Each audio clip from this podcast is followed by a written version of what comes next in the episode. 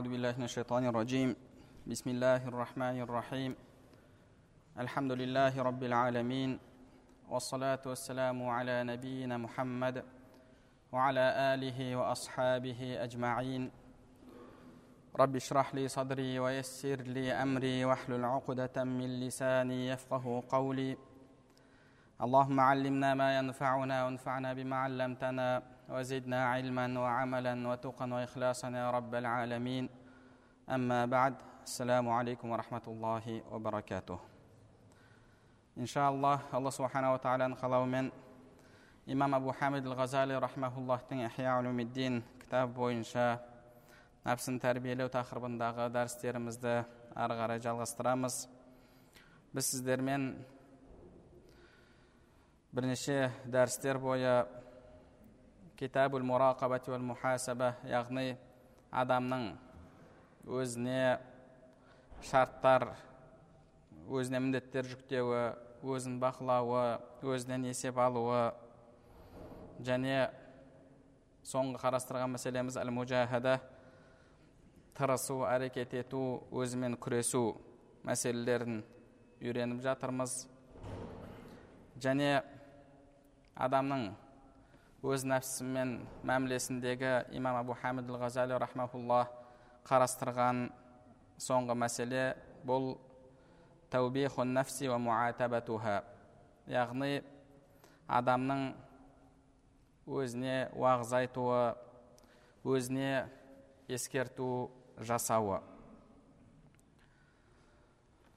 Бұл нәпсімен мәміледегі соңғы қадам болып табылады. Құранда алла субханала тағала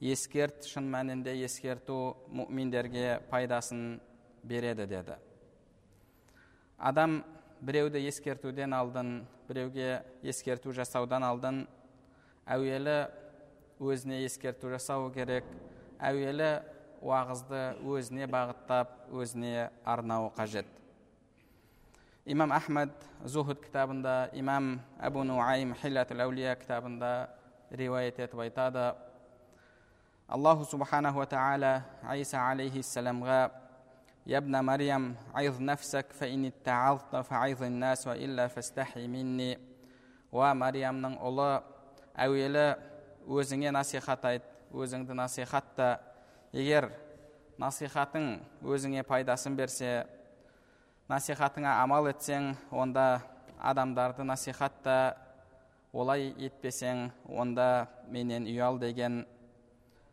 ондай болатын болса әрбір адам ең бірінші насихатты өзіне арнау керек уағызды өзіне айтуы керек.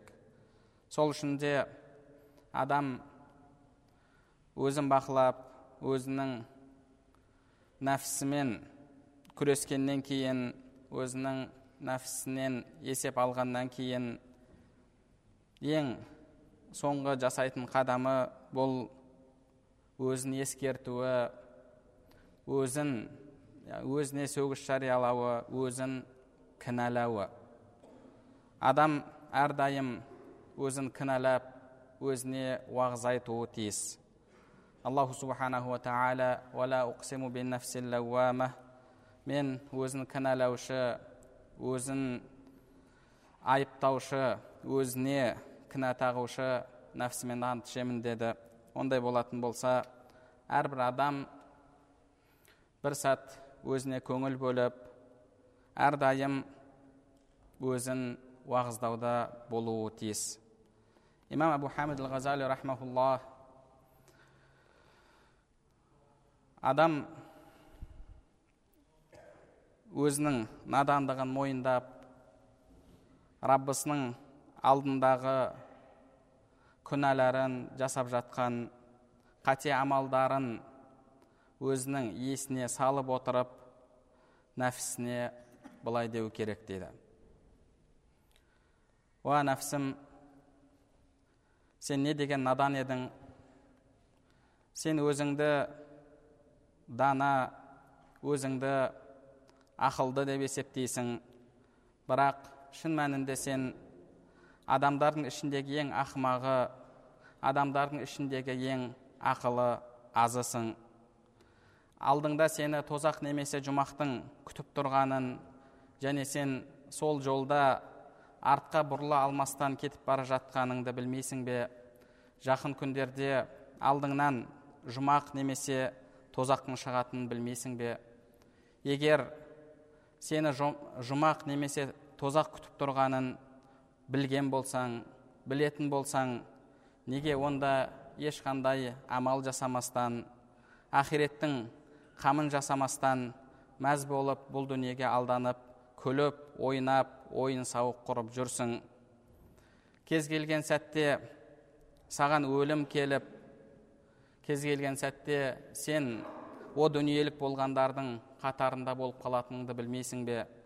Немесе өлімді ұзақ көресің бе?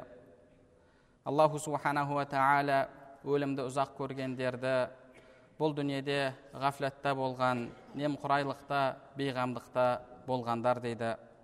Және құранда алла субханала тағала сендер өлімді ұзақ көресіңдер бірақ біз өлімді жақын көреміз дейді. Шын мәнінде өлім әрбір адамға жақын әрбір келуші болған нәрсе жақын болып табылады ұзақ болған нәрсе ол ешқашан келмейтін нәрсе. Уа нәпсім өлімнің ешқандай бір ескертуші жіберместен елші жіберместен айтпай келіп қалатындығын білмейсің бе? Өлімнің келетін белгілі бір уақыты жоқ екендігін өлім кез келген сәтте жасқа да кәріге де келуі мүмкін екендігін білмейсің бе? Егер өлімнің кез келген сәтте келіп қалуы мүмкін екендігін білсең неге онда өлімге дайындық көрмейсің? Аллаху субханаху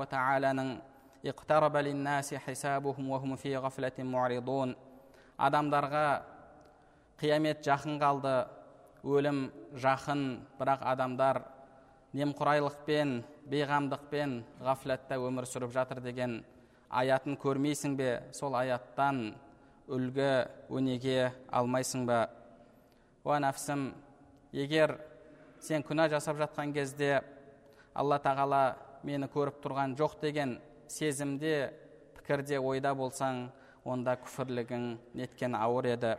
Егер күнә жасап жатқан кезде алла тағала мені көріп тұр алла бақылап тұр алла біліп тұр деп күнә жасап жатсаң онда сен неткен ұятсыз едің уа нәпсім егер сені қолыңдағы қызметшің қолыңдағы құлың ашуландырса қатты ашуланасың егер алдында бір қателік жасайтын болса оның сазайын бересің солай бола тұра неге өзің алла тағаланың ғазабына алланың ашуына қалудасың уә нәпсім немесе сен алла тағаланың азабына тозағына шыдай аламын деп ойлайсың ба?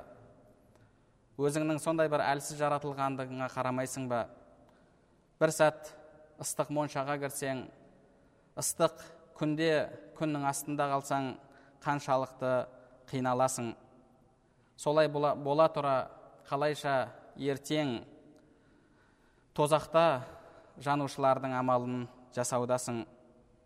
Уа нәпсім неге сен ақирет ісінде алла кешірімді алла мейірімді алланың өзі жарылқайды деп істің барлығын аллаға тапсырып бірақ дүние ісіне келген кезде істеріңді аллаға тапсырып қоймастан дүние үшін шырылдап шапқылап әрекетте жүрсің. Немесе бұл дүниенің раббысы мен ақиреттің раббысы екі бөлек деп ойлайсың ба? Уа нәпсім дүние ісінде бір адам келіп қажетімді өтейді немесе аспаннан алтын жауады деп күтіп отырмайсың. Өзің әрекетіңді жасайсың бірақ ақирет ісіне келген кезде істің барлығын аллаға тапсырудасың. Не деген ақмақ едің не деген надан едің. Уа нәпсім қаншалықты екі жүз едің. Сен өзіңді иман келтіргенмін дейсің. Бірақ іс әрекетіңде екі жүзді мұнафиқтердің әсері байқалып тұр. Раббың жаратушың рызық берушің саған дүние істерінде мен әрбір жанның рызқын беремін әрбір жанның рызқы менің жауапкершілігімде деп ал ақирет ісінде адамға әрекетіне жараса табыс болады деген жоқ па? Алла тағала бұл дүниенің рызқын өз жауапкершілігіне алып рызқыңды ойлап қиналма рызқыңды ойлап ақиретіңді ұмытпа деп ақиретке дайындық көр деген жоқ па? Сен болсаң бұл дүниеге жыртқыш хайуандар өлексіге таласқандай таластың. Ал өзіңе тапсырылған ақирет ісін ұмытып қойдың бұл сенің екі жүзділігіңнің көрінісі емес пе алла тағаланың әлгі аяттарын сен іс әрекетіңмен терістеудесің егер иман тілмен болғанда онда не үшін мұнафиқтер ертең тозақтың түбінде жанады уа нәпсім іс әрекетіңнен қияметке иман келтірмейтін адамның сипаты байқалады. Сен ақиретке иман келтірмейсің бе? Ертең тозақ пен жұмақтың бар екендігін білмейсің бе? Немесе ақиретті жоққа шығарасың ба? Егер ақиретті жоққа шығармайтын болсаң неге онда ақиретіңе әрекет жасамайсың? Неге тозақтан сақтанбайсың? Егер бір адам келіп ең жақсы көретін тамағыңда сен үшін ең дәмді болған тамақта у бар дейтін болса сен ол тамақты ойланбастан тастап жіберер едің. Егер бір жас бала келіп аға киіміңде шағатын шаян тұр десе ойланбастан сөзіне дәлел сұрамастан киіміңді шешіп тастар едің. Сонда сен үшін алланың кәләмінен тозақ бар жұмақ бар ертең тозақта рахат кешесің немесе тозақта жанасың деген алла тағаланың кәләмі. Пайғамбарымыз саллаллаху алейхи уассаламның сөзі бір бейне бір адамның немесе бір жас баланың сөзінен де төмен болғаны ма қалайша олардың сөзіне сеніп нәпсіңе жағып тұрған нәрсені тастайсың бірақ алла тағаланың кәләміне сеніп нәпсіңе жағып тұрған алла тағала харам еткен нәрселерді тастамайсың. Немесе сен үшін улы тамақтың азабы шаққан шаянның азабы ақиреттің тозақтың отынан тозақтағы іріңдерден тозақтағы шөлдеген кезде тозақ иелері ішетін қайнаған сулардан да ауыр болғаны ма уа нәпсім бұл дүниенің қиындығы қанша созылса да уақытша ал ақиреттің қиындығы мәңгі емес пе? Егер соны білсең соны түсінсең неге әрекет етпейсің? Уа нәпсім неге сен амалды ертеңге қалдырып жатсың? Сені өлім күтіп тұрғанын кез келген сәтте өліп қалатындығыңды білмейсің бе? Неге онда әрекетіңді жасамайсың? Әлде өмірімнің соңғы күнінде бүкіл кеткен амалдарымды толтырып аламын деп ойлайсың ба? Уа нәпсім егер бір адам ұзаққа оқуға кетсе он жылдық оқуға кетіп бірақ он жылдың бәрін босқа өткізіп соңғы бір айда он жылда оқымаған нәрселерімнің барлығын оқып аламын десе сен ол адамға не дер едің? Қандай ақмақ адам он жылда ала алмаған нәрсені бір айда қалай толтырмақшы он жылда ала алмаған білімнің орнын бір айда қалай толтырмақшы деп үстінен күлмес пе едің? Неге онда ертең ертең деп өзің амалды ертеңге қалдырып жатсың? Уа нәпсім жарайды сенімен келісейін. Өміріңнің соңындағы амалдар пайда береді. Сонымен ақ мәселе шешіліп кетеді деп сенімен келісейін. Бірақ сенің әрбір күнің соңғы күнің болуы мүмкін ғой. Неге онда әрекетіңді жасамайсың? Сенің осы шығып жатқан демің мүмкін соңғы демің болар. Бүгін сен үйіңнен шығып жатып мүмкін сен үйіңнен соңғы рет шығып жатқан боларсың. Үйіңнен аяғыңмен шығып жатып бүгін сен соңғы рет өз аяғыңмен үйіңнен шығып жатқан боларсың.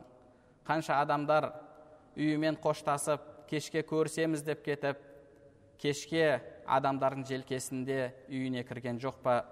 Егер амал соңғы күндердегі амалдар пайда береді соның өзі жеткілікті десең неге онда осы күндерді соңғы күндер деп есептеп амал етпейсің? Жарайды тағы да сенімен келісейін.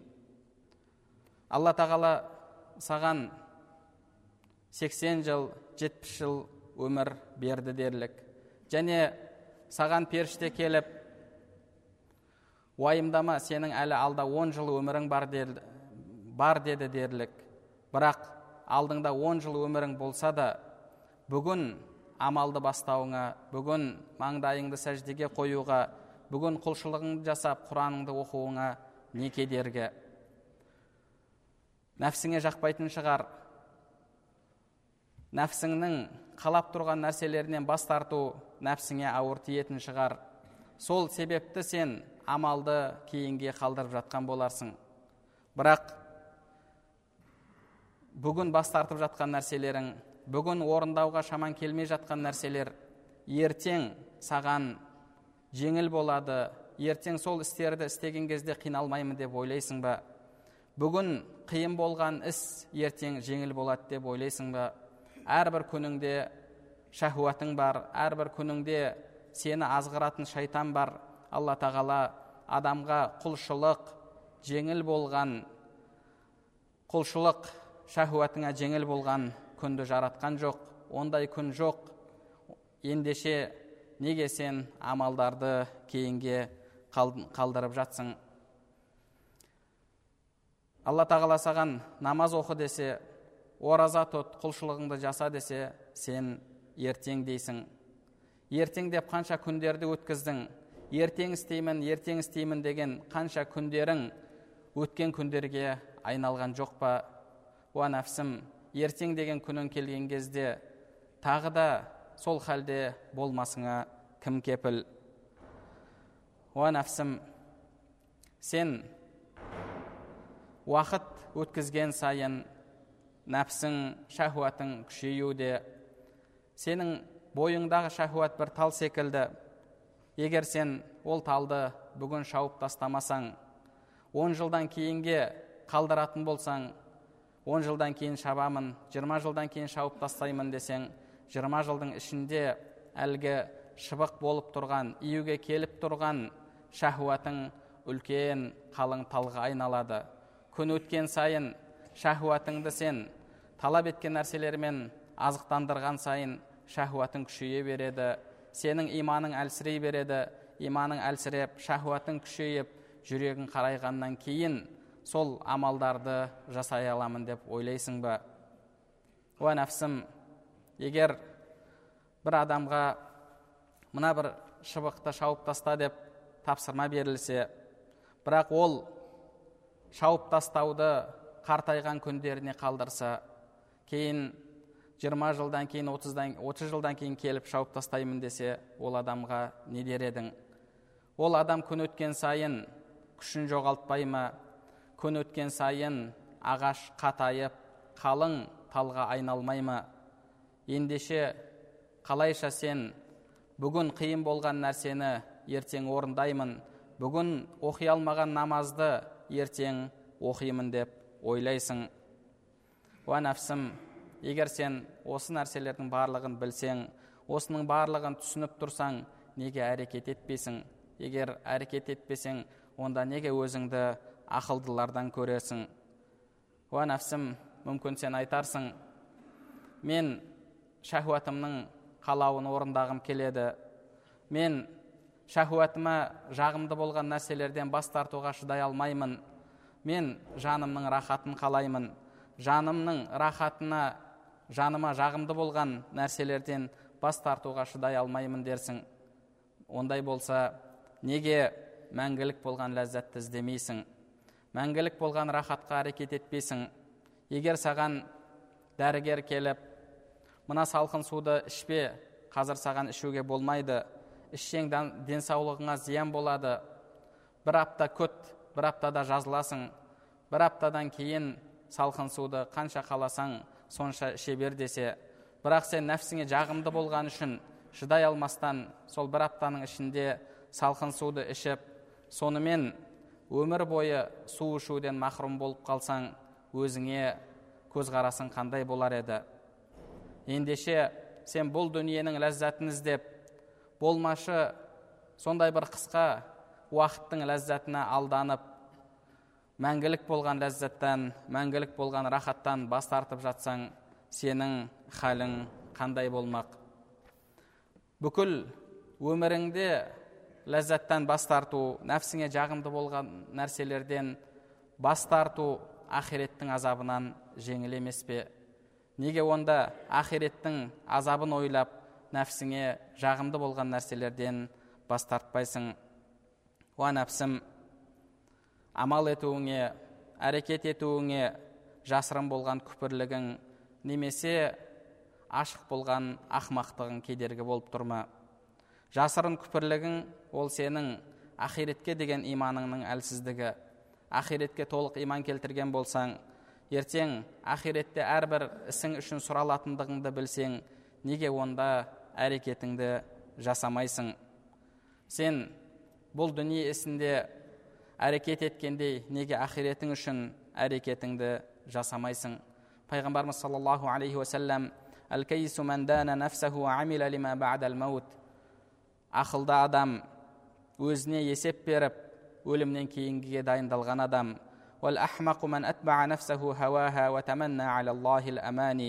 Ал ақмақ адам болса нәпсісіне құл болып кейін алла тағаладан жақсылықты үміт еткен адам дейді. Сен сол ақмақтардың қатарында жүргеніңді білмейсің бе? Уа нәпсім сені бұл дүние алдамасын сені шайтан алдамасын уақыттарыңды бос кетірме. Әр демің санаулы сенің әр демің шыққан сайын әр минутың өткен сайын бір бөлігің кетуде сол үшін де денсаулығыңды дерт келмей тұрып ғанимет біл. Бос күндеріңді ертең басың басқа нәрселермен әуре болып қалмай тұрып ғанимет біл. Байлығыңды кедейлік келмей тұрып ғанимет біл. Жастық шағыңды қартаймай тұрып ғанимет біл. Бұл дүниеңді өлім келмей тұрып ғанимет біл. Уа нәпсім ақиретке онда қанша қаласың соған жараса әрекетіңді жаса. Уа нәпсім сен егер қысқа әрекет жасайтын болсаң қыстың мерзіміне қарай әрекетіңді жасамайсың ба? Қысың үш ай болатын болса төрт ай болатын болса отыныңды сол үш айға төрт айға жараса дайындамайсың ба? Көміріңді жылы киіміңді малдарыңа беретін шөбіңді бәрін сол қыстың мерзіміне жараса дайындамайсың ба? Ал енді ақирет ше ақирет сапары қандай сапар? Ақиретте қанша қаласың ол жақта қанша уақыт боласың? Неге әрекетіңді соған жараса жасамайсың? Уа нәпсім алла тағала адамға қыстан аман шығу үшін отын жаратты көмір жаратты оған жылы киім жаратып берді. Осылайша алла тағала адам баласы қыстан аман шығу үшін бүкіл себептерді жаратты. Бірақ пендеге сол себептерді пайдалан көміріңді сарайыңа сақта отыныңды жар шөбіңді жина солай істесең қыстан аман шығасың деген жоқ па? Тура сол секілді алла тағала саған құтылу жолын көрсетті. Алла тағала саған пайғамбар жіберді кітабын түсірді ақ пен қараны ажыратып берді және соңында осы бойынша мен саған көрсеткен бойынша әрекет ет сонда сен ақиретте құтыласың деді. Алла тағала мен қыстан өзім аман алып шығамын сен әрекетіңді жасама деген жоқ. Тура сол секілді. Мен ақиретте құтқарамын сен бұл дүниеде амал жасамай өз білгеніңді жасап жүре бер деген жоқ. Уа нәпсім неге онда әрекетіңді жасамайсың? Бұл дүниеге қанша махаббат қойсаң ертең өлім сағаты келген кезде бұл дүниеден шығу сен үшін соншалықты қиын болады. Пайғамбарымыз саллаллаху алейхи уассалам мән кариха аллахи кім алла тағаламен қауышуды жек көретін болса алла тағала онымен қауышуды жек көреді деді. Алла тағаламен қауышуды бұл дүниесін безендіріп ақиретін бұзған адам жек көреді. Бұл дүниесінде әрекетін жасап бірақ ақиреті үшін қамданбаған адам жек көреді. Ол адамға дүниеден шығу бұл дүниені тастап кету оңай соқпайды. Неге өйткені ол бұл дүниесін безендіріп ақиретін сондай жаман күйде қалдырып қойған еді. Уа нәпсім егер сен де солардың халінде солардың қатарында болатын болсаң ертең өлім сағаты сен үшін ауыр болады. Бұл дүниеден шығу сен үшін ауыр болады. Пайғамбарымыз саллаллаху алейхи уасалам ахбиб кімді жақсы көрсең жақсы көр. Нені жинасаң жина. Бірақ ертең сен сол нәрселерден айырыласың сол нәрселерден махрұм боласың деген. Егер бұл дүниенің ләззаты бұл дүниенің қызығының барлығы уақытша болатын болса неге уақытша болған нәрсеге жүрегіңді сонша байладың. Уа нәпсім өзіңнен алдын өткен адамдарды көрмейсің бе? Олар да сен секілді дүние дүние деп жүрді.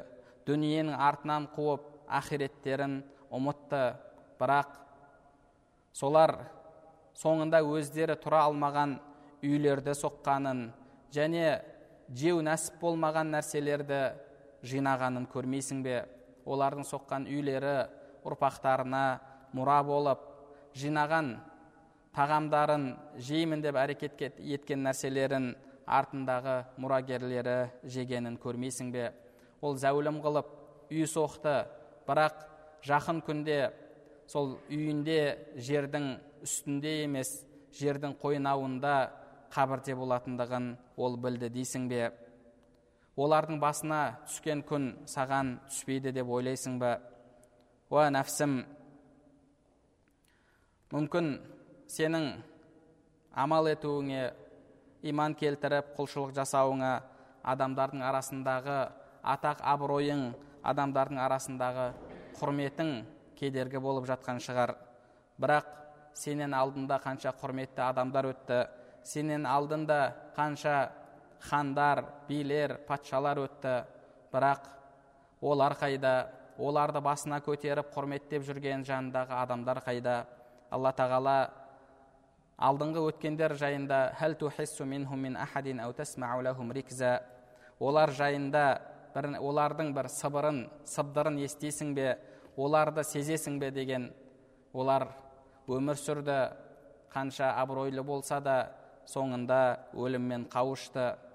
Ендеше сенің де атақ абыройың адамдардың арасындағы беделің мансабың ақиреттен сені тоспасын. Уа нәпсім өмірің аз қалды өлім жақындады ескертуші келді әрекетіңді жаса. Ертең дүниеден өтсең сен үшін кім намаз, сен үшін кім намаз оқиды сен үшін кім ораза тұтады сен үшін кім садақа береді уа нәпсім сол күн келмей тұрып бүгін әрекетіңді жаса уа нәпсім алла, алла берген саған өмірдің көбі кетіп азы қалды сол кеткен күндерің үшін өміріңнің соңына дейін жыласаң жылауға арзиды бірақ сен әлі де ақымақтыққа салынып өткен күндерің үшін күнәға толы күндері үшін жылаудың орнына әлі де күліп мәз болып жүрсің мәз болып жүрсің. Уа нәпсім әрбір адамды өлім күтіп тұрғанын әрбір адамның үйі қабір болатындығын төсеніші топырақ құрттар оның досы болатындығын білмейсің бе? Уа нәпсім өлім періштесі үйіңнің есігін қағып сенің жаныңды алып кетуге келіп тұрғанын білмейсің бе? Уа нәпсім о дүниелік болған қанша адамдар бар. Олар саған берілген сен заяға кетіріп жатқан күндердің бір күнін аңсап жатыр. Сен заяға кетіріп жатқан сағаттардың бір сағаты берілсе екен деп арманда жатыр.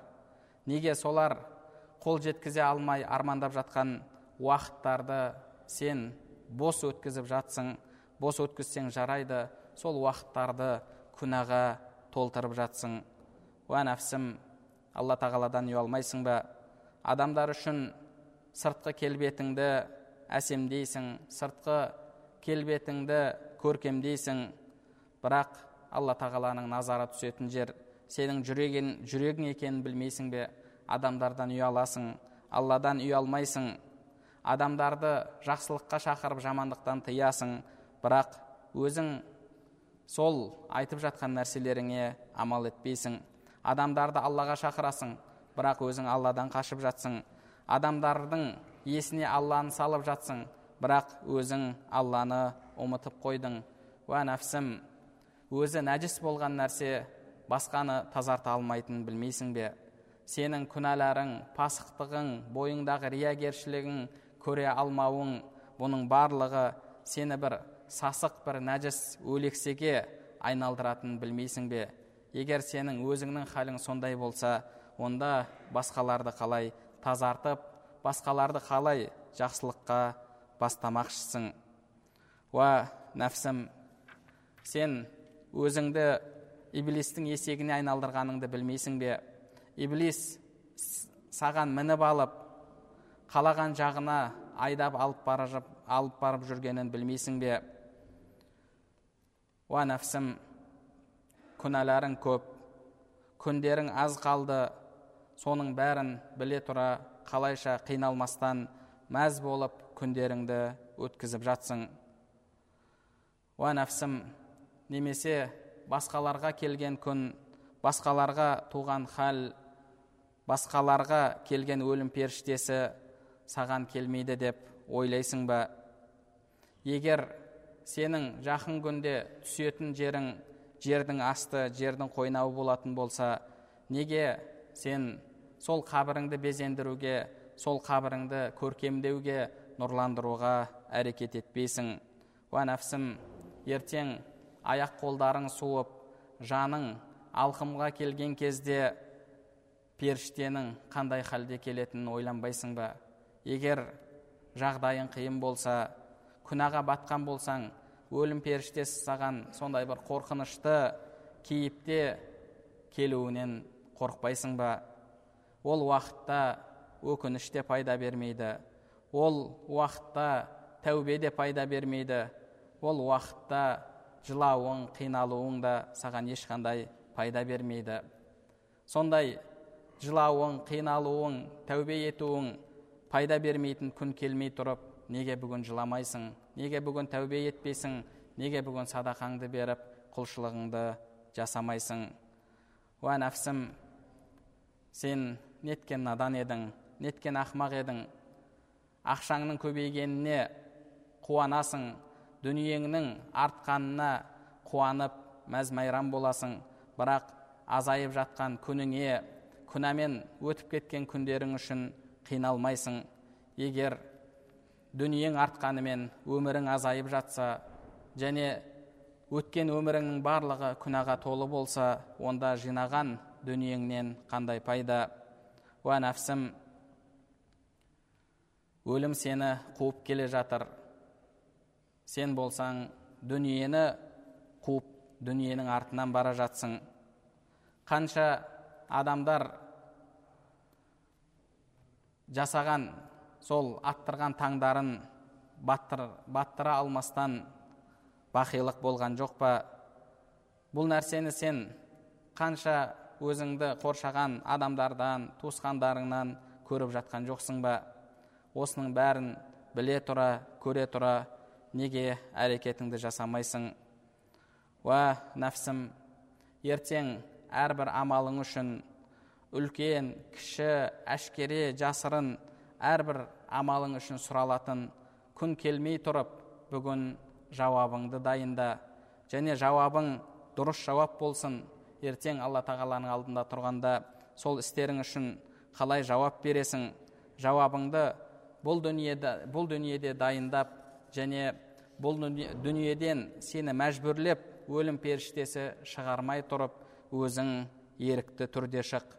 Бұл дүниеге мәз болып бірақ ақиреті тозақы болған адамның халі неткен өкініш ол адамның халі қандай жаман. Уә нәпсім соның барлығын ойлап неге әрекет етпейсің? Сен қолыңда бардың шүкіршілігін жасамай жатып жасай алмай тұрып тағы да артығын талап етудесің қолыңдағы бардың шүкіршілігін жасамай жатып қалайша тағы да артығын сұрайсың? Уа нәпсім осы айтқан насихатыммен әсерлен насихатымнан ғибрат ал. Кімде кім насихаттан ғибрат алмаса насихаттан пайда алмаса ол адам өзіне тозақлардың қатарында болуды мақұл көріпті. Ол адам тозақлардың қатарына болу, қатарында болуға разы болыпты. Егер уағыз насихат жүрегіңе әсер етпей жатса жүрегің қатайып кеткен болса онда түндері тұрып құлшылық жасап түндері тұрып жасыңды төгіп жүрегіңді жібітуге жүрегіңді жұмсартуға және сол арқылы уағыз насихаттың жүрегіңе әсер етуіне әрекет ет. Егер ол да пайда бермей жатса онда күндіздері ораза тұт егер ол да пайда бермей жатса ауру науқастарды жетімдерді зиярат етіп сол арқылы жүрегіңді жұмсартуға әрекет ет. Егер оның барлығы саған пайда бермесе соның барлығын істегеннен кейін де жүрегіңе уағыз насихат әрекет әсер етіп жүрегің ақиретті ойлап қиналмаса онда жүрегіңе мөр басылғанын жүрегіңе құлып салынғанын біл. Өйткені мөр басылған жүректерге уағыз әсер етпейді. Мөр басылған жүректерге өлім уағыз болмайды. Егер жүрегіңе мөр басылған болса онда сен тозақ иелеріненсің. Тозақ иелерінен болсаң онда алланың мейірімінен күдер үз. Бірақ алла тағала саған күдер үзуге де мүмкіндік берген жоқ. Құранда я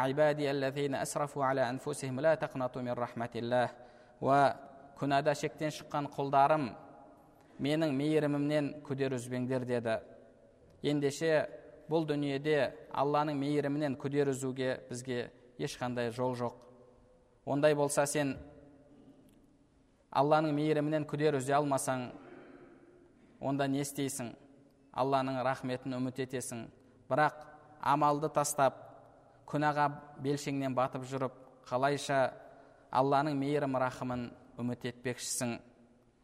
Осы нәрселерді ойлаған кезде егер жүрегің қиналса жүрегіңде кішкене уайым қайғы пайда болса онда жүрегіңде әлі де жақсылықтың бар екендігін жүрегің әлі толықтай өлмегенін біл. Жүрегіңде сол бір кішкене шоқтың әлі бар екендігін сезін және сол шоқты әрі қарай үлкейтіп үлкен отқа айналдыруға тырыс. Ол үшін өзіңнің жағдайыңа қарап жыла күнәларыңды ойлап қинал жалбарынып алла тағаладан дұға жасап басыңды сәждеден көтерме. Алла тағала сондай аянышты халіңді көрсе бәлкім саған мейірім көзімен қарап сенің жағдайыңды оңалтар. Ондай болмаса онда жағдайың қиын. Алла тағаладан басқа бас сауғалар жерің жоқ. Алла тағаладан басқа барар жерің жоқ. Алла тағаладан үміт ет. Алла тағаладан дұға сұра. Алла тағаладан жүрегіңді тірілтуін жүрегіңді өліммен уағызбен әсерленетін жүректерден етуін сұра. Және алла тағаладан мына бір сүйікті бір құлдың дұғасын жасап алла тағаладан жарылқау тіле. Ұлы имамдардың бірі өзінің керемет мынандай бір дұғасын жасайтын болған. Уа раббым я раб уа мә аратту мухалафатак. Уа раббым мен күнә істегенде саған қарсы шығу үшін күнә істеген жоқпын. Және күнә істеген кезде сенің ұлықтығыңды сезбегендіктен күнә істеген жоқпын және сенің азабыңды қалап сол азапқа душар болайын деп күнә істеген жоқпын және сенің көріп тұрғаныңды сезбегендіктен ол күнәні істеген жоқпын.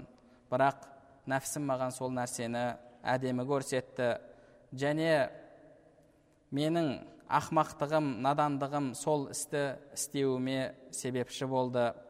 Және мені әшкере етпеуің адамдардың алдында масқара етпеуің мені алдап мен соның нәтижесінде әрі қарай күнәні жасап жүре бердім.